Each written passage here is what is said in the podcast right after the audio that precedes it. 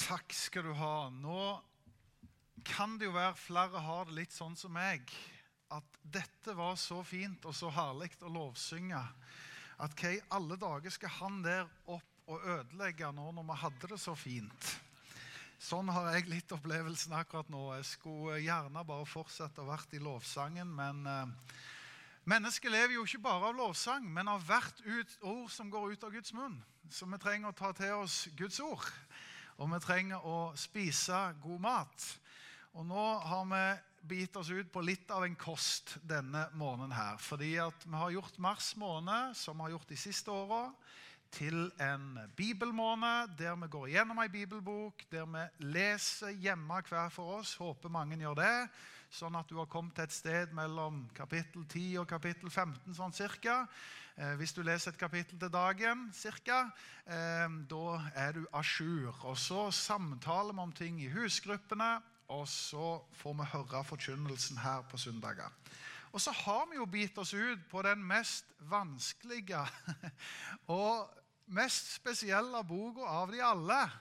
Johannes' åpenbaring. Og vi har sagt at vi har lyst å nærme oss dette med mer ydmykhet enn med skråsikkerhet. fordi her er det ikke nødvendigvis lett å finne alle svar. Og det har vi ikke noen ambisjon om å klare å gi alle svar. Men vi skal åpne boka, vi skal lese sammen, og vi skal prøve å iallfall være så tro mot Guds ord som vi klarer.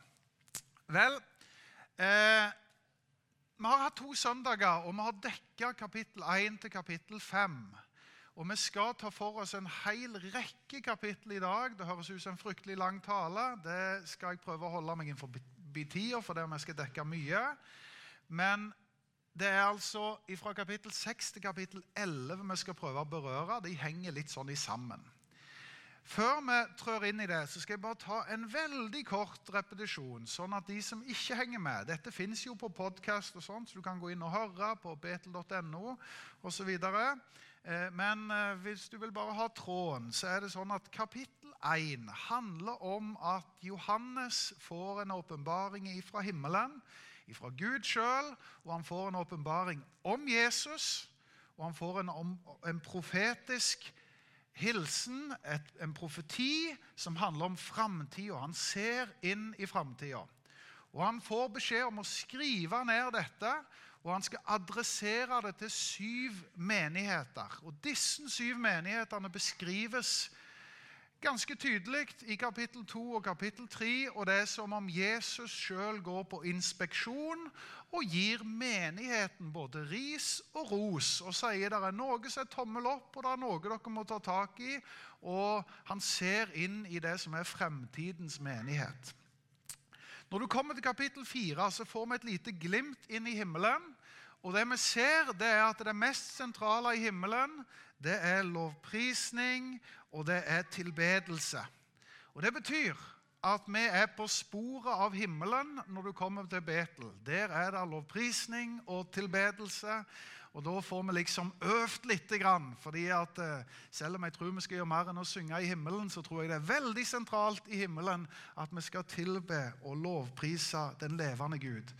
Når Johannes skriver dette i kapittel 4, så står det om det er mengder av åndsvesen og det er mengder av mennesker som er med i denne tilbedelsen. Det står om tusentalls, og det er det sentrale at de tilber Gud. Det står bl.a. om de 24 eldste som gir sin lovprisning. Hva er de 24 eldste? Det høres ut som 24 gamlinger som sitter der oppe. Nei, dette er et, et symbolikk, et språk, for å si noe om eh, Det fantes tolv stammer i Det gamle testamentet. Det fins tolv disipler i Det nye testamentet. Og gjennom alt Guds folk og Israels folk i Det gamle testamentet og inn i dette som er det utvida Guds folk og alle folkeslag og nasjoner, så skal alt folk Guds folk være samla, og vi skal ha dette til felles. At vi skal lovprise og ære Gud i himmelen. Nydelig. Så langt har vi kommet da. Og Så ser vi i kapittel 5 at Gud er på tronen. Og det som begynner å bli litt spesielt, det er at Gud holder en bokrull i sin høyre hånd. Og denne er fullkomment forsegla med syv seil. Og Det betyr at her er det ikke på en måte hvem som helst som kan åpne. og Johannes er på jakt. Hvem kan åpne denne spennende bokrullen og se hva som er bak disse syv seilene? Vel, jeg finner ingen som er verdige utenom én. Og denne ene han omtales både som løven av Juda, Davids rotskudd, som lammet som ble slakta. Forskjellige ord og begrep som beskriver at det er bare Jesus Kristus som er verdig til å åpne denne bokrullen. En liten sånn bisetning jeg hørte fra Astrid her i forkant av møtet, at i dag er det visst såkalt den første Nisan. Det er ikke en bil, men det er den første dagen i eh, den jødiske kalenderen. og Det er litt sånn spesiell kalender, men det betyr at det bl.a. er et slags profetisk klokke som begynner å tikke i dag. Ei klokke av håp, ei klokke av et nytt år og en ny framtid. En sånn liten digresjon midt inn i det at vi skal prøve å tale profetisk her i dag òg. Vel, dette er altså denne personen, Jesus Kristus, som er verdige, som ble slakta, men som er opphøyd og som har seira gjennom sin døde oppstandelse. Han er den som er verdig til å åpne. Og nå skal vi altså gå inn i kapittel 6, og så skal vi begynne å åpne disse seilene. Og så skal vi se hva som befinner seg bak hvert seil. Og så er det altså syv seil, og vi skal prøve å dekke alle de syv seilene. Og Grunnen til at vi skal tale til og med kapittel 11, det er fordi at det er i det tidsrommet at disse syv seil brytes. Når du kommer til kapittel 6, så begynner de å bryte det ene seilet etter det andre, og det ser ganske likt ut etter hvert seil som brytes. Det rare er at når du åpner dette, så kan jeg avsløre med en gang at essensen av det som skjuler seg bak disse seilene, det er at Gud holder dom. Og det å stå her og tale om dom det er ikke det mest lystige og lystbetonte du gjør. For det høres litt sånn nedstemt og kjipt ut. Men det er viktig å si at hvis ikke Gud holder dom, så vil urett og urettferdighet vinne, bestå og seire. Dersom ikke urett blir slått ned på, så vil uretten få lov å leve. Det betyr at det er helt nødvendig for Gud å holde dom. Og så er det spørsmål hvordan ser denne dommen ut? Du kan også kalle det konsekvenser av menneskets dumme valg. Det gjør at vi fører på en måte dom over oss sjøl. Og når disse seilene brytes, så får Johannes se inn i hva er konsekvensen. Hva ligger i denne dommen vi påfører oss sjøl? Da begynner han å se hester og ryttere. Og nå skjønner vi at nå begynner det å bli spesielt. Og de begynner til og med å ha forskjellige farger, disse hestene. Den første hesten er hvit. Det er dommens begynnelse. Og Så er det en ny hest og en rytter, og den er rød. Og den symboliserer krig. Og Så kommer det en svart hest som symboliserer hungersnød. Og så kommer det en gulblek eh, hest som symboliserer død. og Alt dette står beskrevet i kapittel 6. Det betyr kort og godt dette tror vi da, de fleste. Jeg er ikke noe spesielt sterk teolog, men dette prøver jeg å lese meg til og prøver å liksom studere meg fram til. Og sier at Den vanligste tolkningen handler om at dette er det verdenshistorien kommer til å se som en konsekvens av at den har vendt ryggen til Gud. Verdenshistorien viser oss nettopp disse tingene her. Hva viser de? Jo, det viser både hungersnød, det viser krig, det viser død, det viser ødeleggelse. Det femte seilet brytes, og det femte seilet eh, handler om martyrer. Det sjette seilet begynner de å, å, å bryte, og det viser seg at det er en verden i ubalanse. En verden i Kall det Altså i, i, i eh, økolog... Eh, hva blir det? Økologisk? Nei, hva blir det rette ordet? Jeg leter etter et ord her. Altså Å, hjelp meg. Økosystemet i kaos. Et økosystem i kaos der du har forskjellige jordskjelv og du har forskjellige virkninger, naturfenomener. Og Alt dette beskrives som å ligge bak disse seilene. Og det er som om Johannes sier tydelig til oss vær klar over at dette er konsekvensen av å vende seg vekk ifra Gud. Dette er en del av det som kan kalles en slags Guds dom. Noen har jo lurt på hva er, kan denne hvite hesten kan det være Jesus sjøl? Kan det være utsendinger fra han? Eller, eller, er det mer en slags antikrist? Eller, og Det er forskjellige tolkninger og meninger. og Ganske mange vil hevde, og jeg tror jeg vil våge å påstå her foran dere i dag, at når det leses om disse hestene og disse rytterne, så handler det om at i de siste tider så skal det òg finnes falske Messiaser, falske frelsere, som kommer med godt budskap, og som prøver på en forlokkende måte å si at de har løsning for verden. Men dessverre så er utfallet av disse frelserne Det trenger ikke handle om, om Vi tenker ofte eh, sånne frelsere som det der, det er en slags eh, sektleder eller noe, men det kan vel så gjerne være verdensledere opp gjennom tidene. Tenk på verdensledere som Hitler, som løfte gull og grønne skoger og skulle være en verdensfrelser. Men hva fulgte med? Jo, det fulgte med hungersnød, død, katastrofe, elendighet. Det er konsekvensen av å vie seg til falske messiaser og falske røster som sier at de kan frelse verden. Dette stemmer veldig godt når du leser Johannes eh, åpenbaring kapittel 6 med Matteus 24, der Jesus har et kapittel der han snakker veldig mye om endetiden. Og Når du legger liksom Johannes åpenbaring kapittel 6 mot Matteus 24, så vil du se at det er veldig mange likheter. Jesus advarer mot falske messiaser osv. Og, så videre, og konsekvensene av det. Dette syns jeg er ganske interessant å være borti. Så kom vi altså til Nå har jeg gått veldig fort, fordi at eh, det som er det store spørsmålet i kapittel 6, det er hvem kan bli stående når alt dette skjer med verden? Når vi ikke bare hører rykter om det, men vi faktisk begynner å oppleve det. Hvem er det som kan bli stående i dette, en verden av elendighet på et vis? Hvem er det som kan stå gjennom dette? Og Da begynner jo eh, Johannes å gi noen svar og si det at eh, eh, det er egentlig de som bestemmer seg for å velge omvendelsens vei. Og Så begynner det å få litt eh, tydelige ord på hvem det er som blir stående. La meg gå inn i kapittel 7 og vers 3-4. Der gir Gud klar beskjed. Ikke rør jorden eller havet eller trærne før vi har fått merket våre Guds tjenere med seil i pannen. Og jeg hørte på tallet på de som fikk seilet, og det var 144 000 fra alle stammene i Israels folk. Her er det som om Johannes kommer med et svar og sier de som kommer til å stå gjennom dette, det er de som har fått merka et seil i pannen sin. Og så begynner han å se et tall. 144 000. Er det noen som har hørt det tallet før? F.eks. hvis de har hatt Jehovas vitner på besøk. Da er det typisk en sånn ting som klassisk Jovas vitner har tenkt at det er noen slags elitekristne som virkelig har skjønt det, og som har fått det til, og disse skal bli spart. Men jeg ønsker å spole tilbake igjen til det vi har snakket om i Johannes' åpenbaring før, nemlig at det er veldig viktig å skjønne at denne boka er full av symbolikk. Og hvis du leser ting veldig bokstavelig, så tror jeg du kan bære veldig galt av gårde.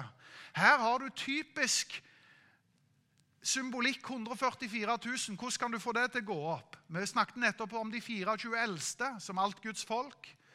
Vi kan ta tolv Israels stammer, tolv disipler, tolv ganger tolv og så legger du til 1000, som er fullkommenhetens tall, på samme måten som 7 er et fullkommenhetens tall. Og så lander du på 144 000. Og hva er poenget med å si noe om dette? fordi dette kan gå i spinn for oss noen og enhver. Det vil si at det er en mengde av mennesker som har fått dette seilet på pannen, som er Guds eget folk, som har en annerledes framtid, og som kan stå seg gjennom disse tider av utfordringer og av dom og av konsekvenser. Det betyr ikke at vi ikke blir ramma av elendigheten i verden, men det betyr at vi har noe som tar oss forbi det. Inn i det evige. Inn i det endelige. Er dere med så langt, eller? Jeg prøver å tenke om jeg er med sjøl, men Men uh, enn så lenge så henger, jeg sånn noenlunde med sjøl. Jeg har lyst til å lese litt mer om den gjengen der, fordi det kalles også for den store, hvite skare. Her begynner han å, ut, utbrodere det litt mer og si deretter så jeg en skare så stor at ingen kunne telle den. Og Da begynner vi å skjønne at det er ikke bare 144 000, for det kan du telle til hvis du er god å telle. Men her er det en skare som er så stor at ingen kan telle. Av alle nasjoner, stammer, folk og tungemål. De sto foran tronen, og lammet kledd i hvite kapper med palmegreiner i hendene. Og de ropte høyt med høy røst. Seieren kommer fra vår Gud, han som sitter på tronen, og fra lammet. Alle englene sto rundt tronen, og de eldste og de fire skapnene. De kastet seg ned foran tronen med ansiktet mot jorden, tilba Gud og sa, Amen. All lovpris og visdom, takk og ære, makt og velde tilhører vår Gud i all evighet. Amen. En av de eldste tok da til orde og spurte, 'Disse som er kledd i hvite kapper, hvem er de? Hvor kommer de fra?' 'Herre', svarte jeg, vet, 'du vet det.' Da sa han til meg, 'Dette er de som kommer ut av den store trengsel.' De har vasket sine kapper, gjort dem hvite i lammets blod. Derfor står de for Guds trone og tjener Han dag og natt i Hans tempel. Og Han som sitter på tronen, skal reise en bolig over dem. Og hva skal skje da? De skal ikke lenger sulte, ikke tørste. Solen skal ikke falle på dem. Ja, ja, Håper det blir litt sol, da. Og ingen skal brenne, eh, ingen brennende hete, for lammet som står midt på tronen, skal være gjeter for dem. Altså vi skal ha en hyrde, en god frelser, eh, og vise dem vei til kilder av vann. Altså Det skal rett og slett være alt du trenger til, og han skal tørke bort hver tåre fra deres øyne. Her begynner han å beskrive evighet og himmel og hva som venter oss. Der denne ubalansen i verden, der dette kaoset i naturen, der dette krig og sult og elendighet ikke lenger skal finnes. Dette er håpet som tennes for dissen, den store hvite skare, de 144 000, eller kall det ganske enkelt oss, meg og deg, Guds folk. Amen, sier jeg da. Er ikke det fint? Det syns jeg er bra. Jeg og Børge syns det er bra. Ja da. Vel eh, Kapittel 8 kommer til ja, Jeg skal egentlig gå ganske fort gjennom kapittel 8 og kapittel 9. og Grunnen er at eh, når du kommer til kapittel 8, så sier de, det første verset der at for de første seks seil har blitt brutt. Dere er med på det? De første seks seil har blitt brutt. Vi kommer til det syvende seilet, og det står at nå skal det syvende seilet åpnes. Og I motsetning til når de andre seil har blitt brutt, så har det vært lyd av ja, ulike lyder. Egentlig mye lyd. Mens nå står det nå ble det en stillhet. Og den stillheten falt i en halvtime. Igjen tror jeg det er symbolsk å representere en tidsperiode av stillhet. Og så er det akkurat som om nå er det noe viktig som skal skje. Så nå trykker vi på pause. Nå kommer det syvende seilet her. Hva skjuler seg bak det syvende seilet? Og Nå skulle jeg gjerne ha gått rett i det syvende seilet, men da har jeg ikke tro mot teksten. fordi at dette svarer han ikke på for slutten av kapittel 11, hva det syvende seilet er. Så nå må vi skjønne at vi har vært igjennom kapittel 6, kapittel 7, Seks seil, og så skal vi ta tak i det syvende seilet. Kapittel 8 begynner vers 1 med å si nå skal vi åpne det syvende seilet, så blir det stillhet. Og Så går det to og et halvt kapittel før de sier hva det syvende seilet er for noe. Og I mellomtida, i den parentesen eller den pausen, så får Johannes et nytt blikk. Og da ser han syv av noe annet. Han ser syv engler og syv basuner. Så nå begynner det å bli mye syvtall. Og hvordan i alle dager skal vi finne fram til hva disse herrene syv englene og syv basunene Hva er det for noe greie? Vel, fra kapittel 8 så er vi kanskje i noe av den mest spesielle teksten, og den er fryktelig vanskelig å forstå. Og jeg vil nesten ikke tørre å gi meg ut på den veldig bombastisk sjøl. Men han starter med å si noe om de helliges bønner. Det står bl.a. omtalt som røkelse, og det er ofte et tegn på de helliges bønner. Og det du kan lese hvis du leser sammenhengen her, det er at til tross for at de helliges bønner skjer, og det skal vi fortsette med, og det skal vi tro på, så kommer det likevel til å være fryktelige ting som skjer i verden. Håper jeg, jeg tror ikke det blir bedre av at vi ikke ber, men det er sånn at på tross av de helliges bønner, så er det altså ting som skjer. Og Det er syv engler og syv basuner. Og hva er en basun? Vel, basun den finner du type igjen i Gamle testamentet. Basun er jo et slags instrument som du kunne, en slags megafon som du roper ut noe i. Og Det ble brukt i gammeltestamentlig tid enten for å varsle krig og katastrofe eller for å annonsere jubelår. Så en basun kan både ha et godt budskap, men vanligvis så har han et advarsel, et våkne opp, et vekkopper.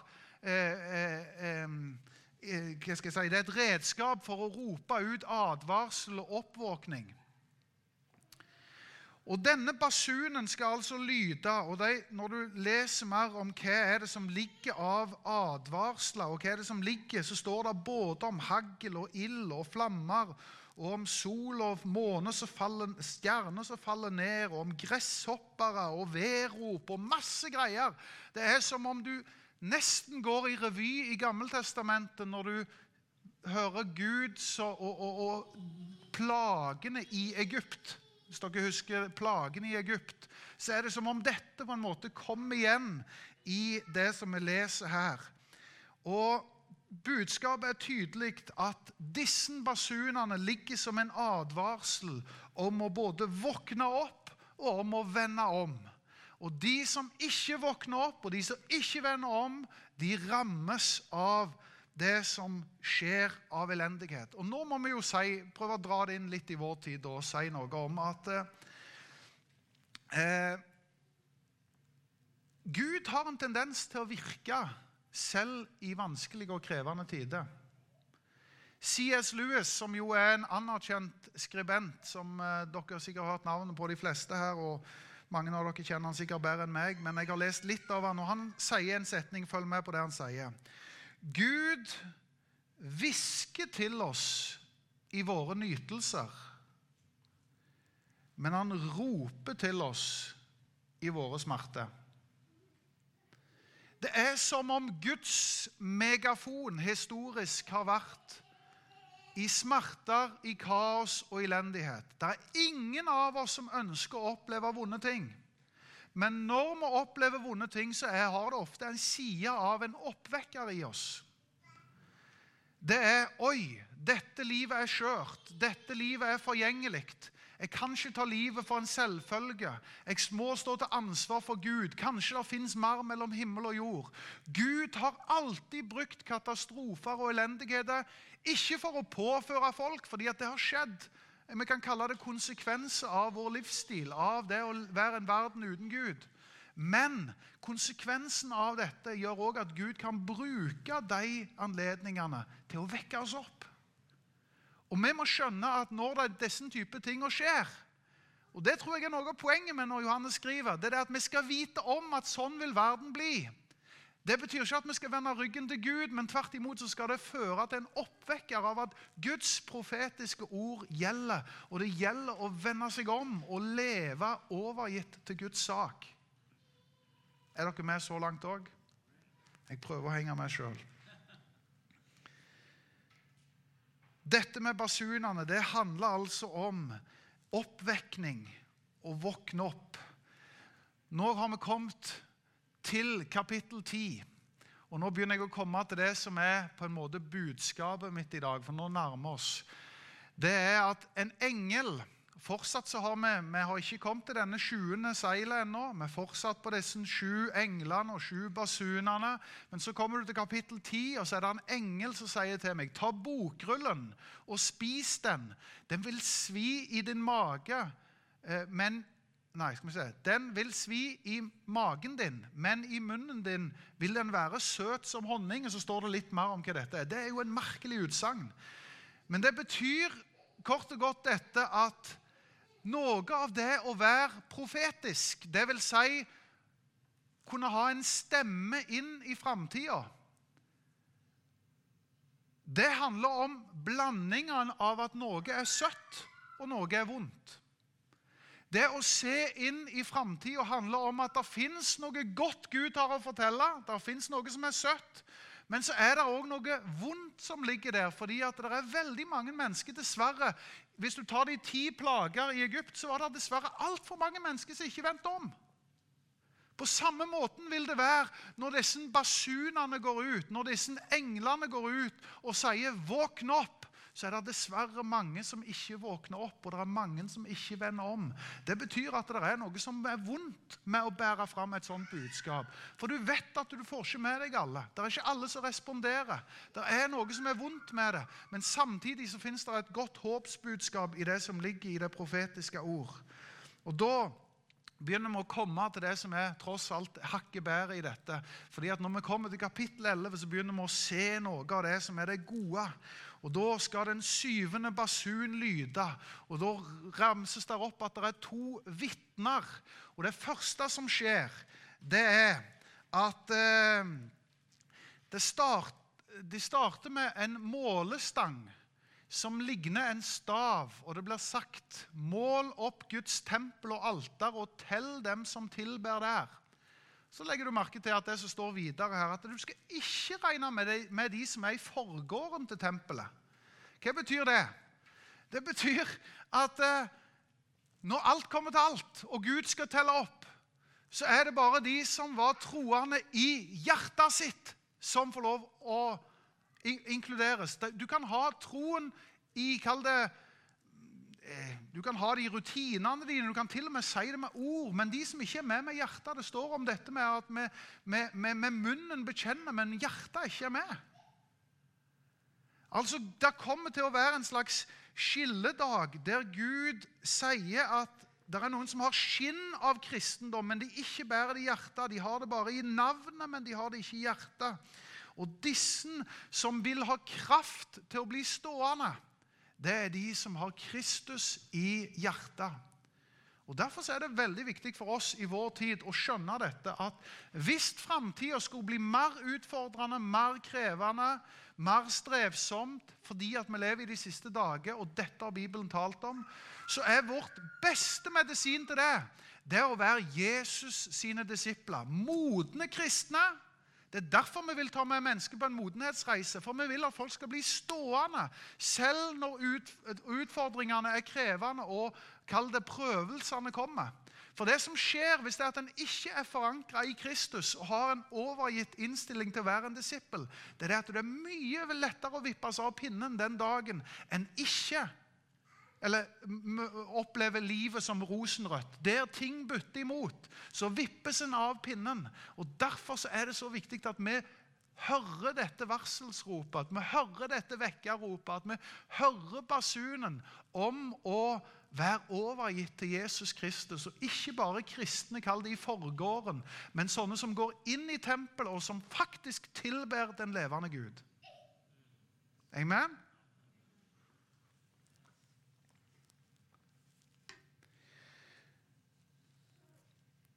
Videre så leser vi om her, de siste så står det om en tidsperiode på 42 måneder.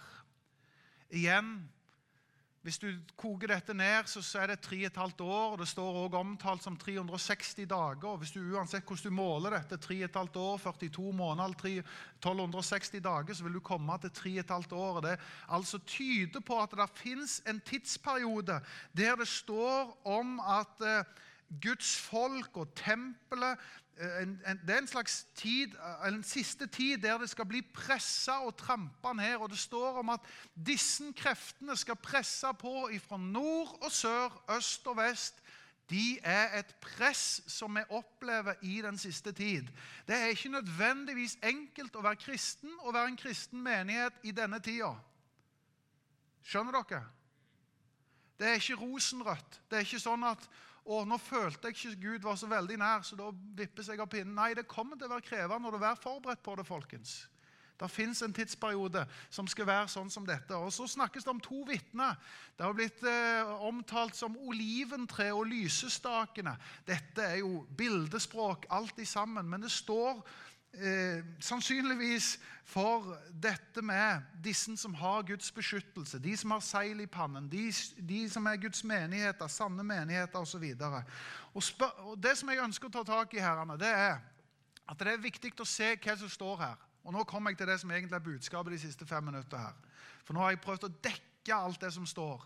Men dette er budskapet som vi trenger å hente ut av disse tekstavsnittet.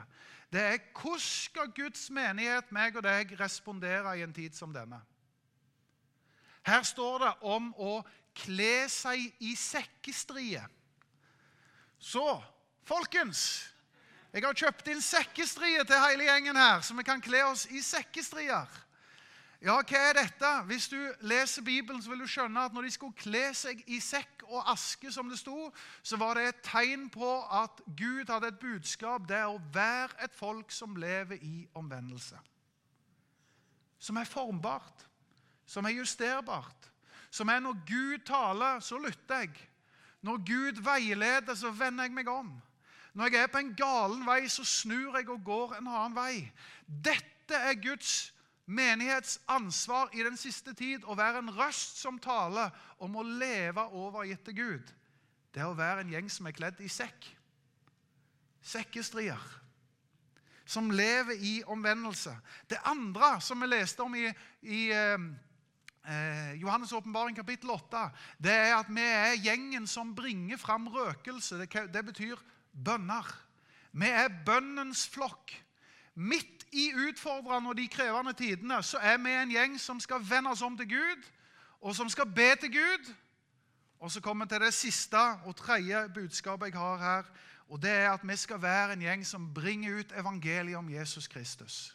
For det ultimate tegn på den siste tid, det er at evangeliet går ut til alle folkeslag. Og Da kan det hente opp jeg skjønner nå på tida at jeg ikke har tid til å ta opp Jeg hadde tenkt å stoppe og ta opp eh, eh Mattes 24 på dette tidspunktet og se at alt det jeg har talt om nå, stemmer utrolig godt med det som Jesus taler om i Mattes 24. Så Det kan være en slags hjemmeleks der du går hjem og leser Mattes 24 og ser om alt mulige utfordringer.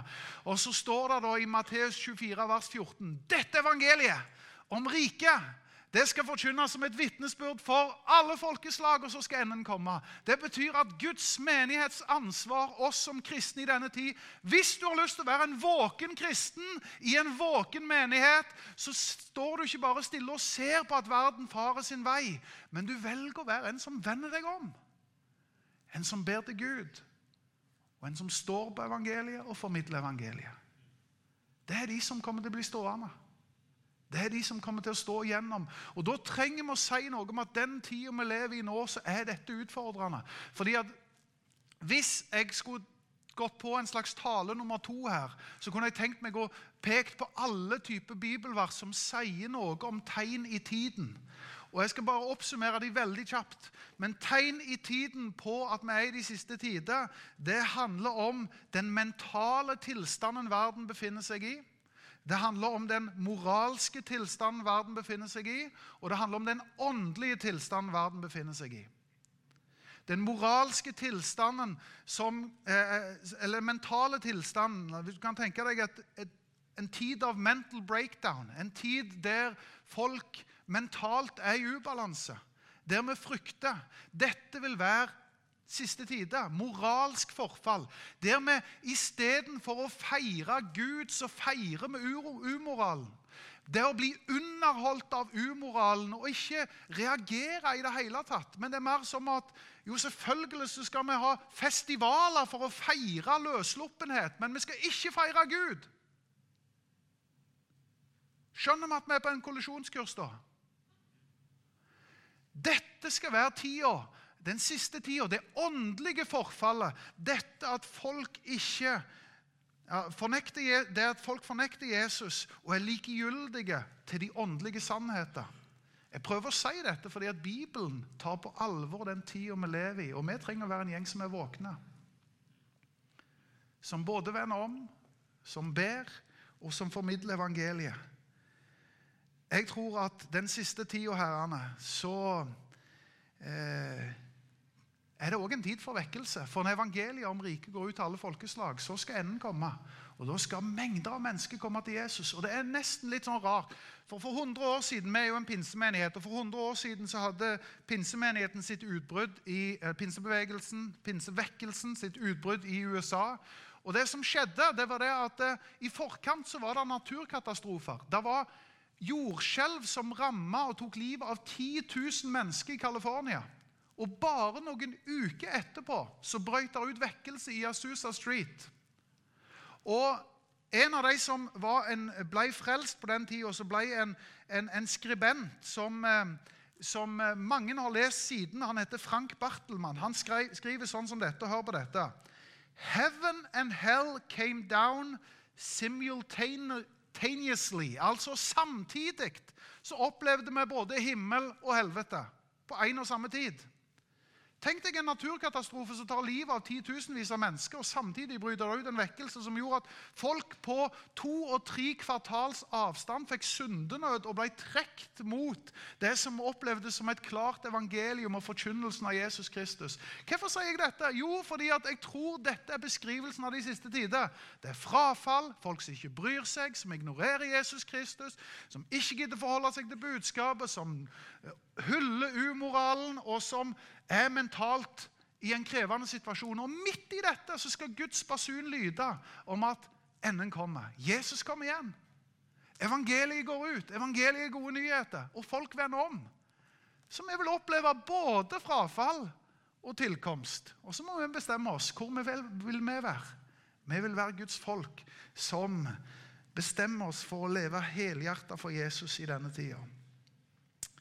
Yes.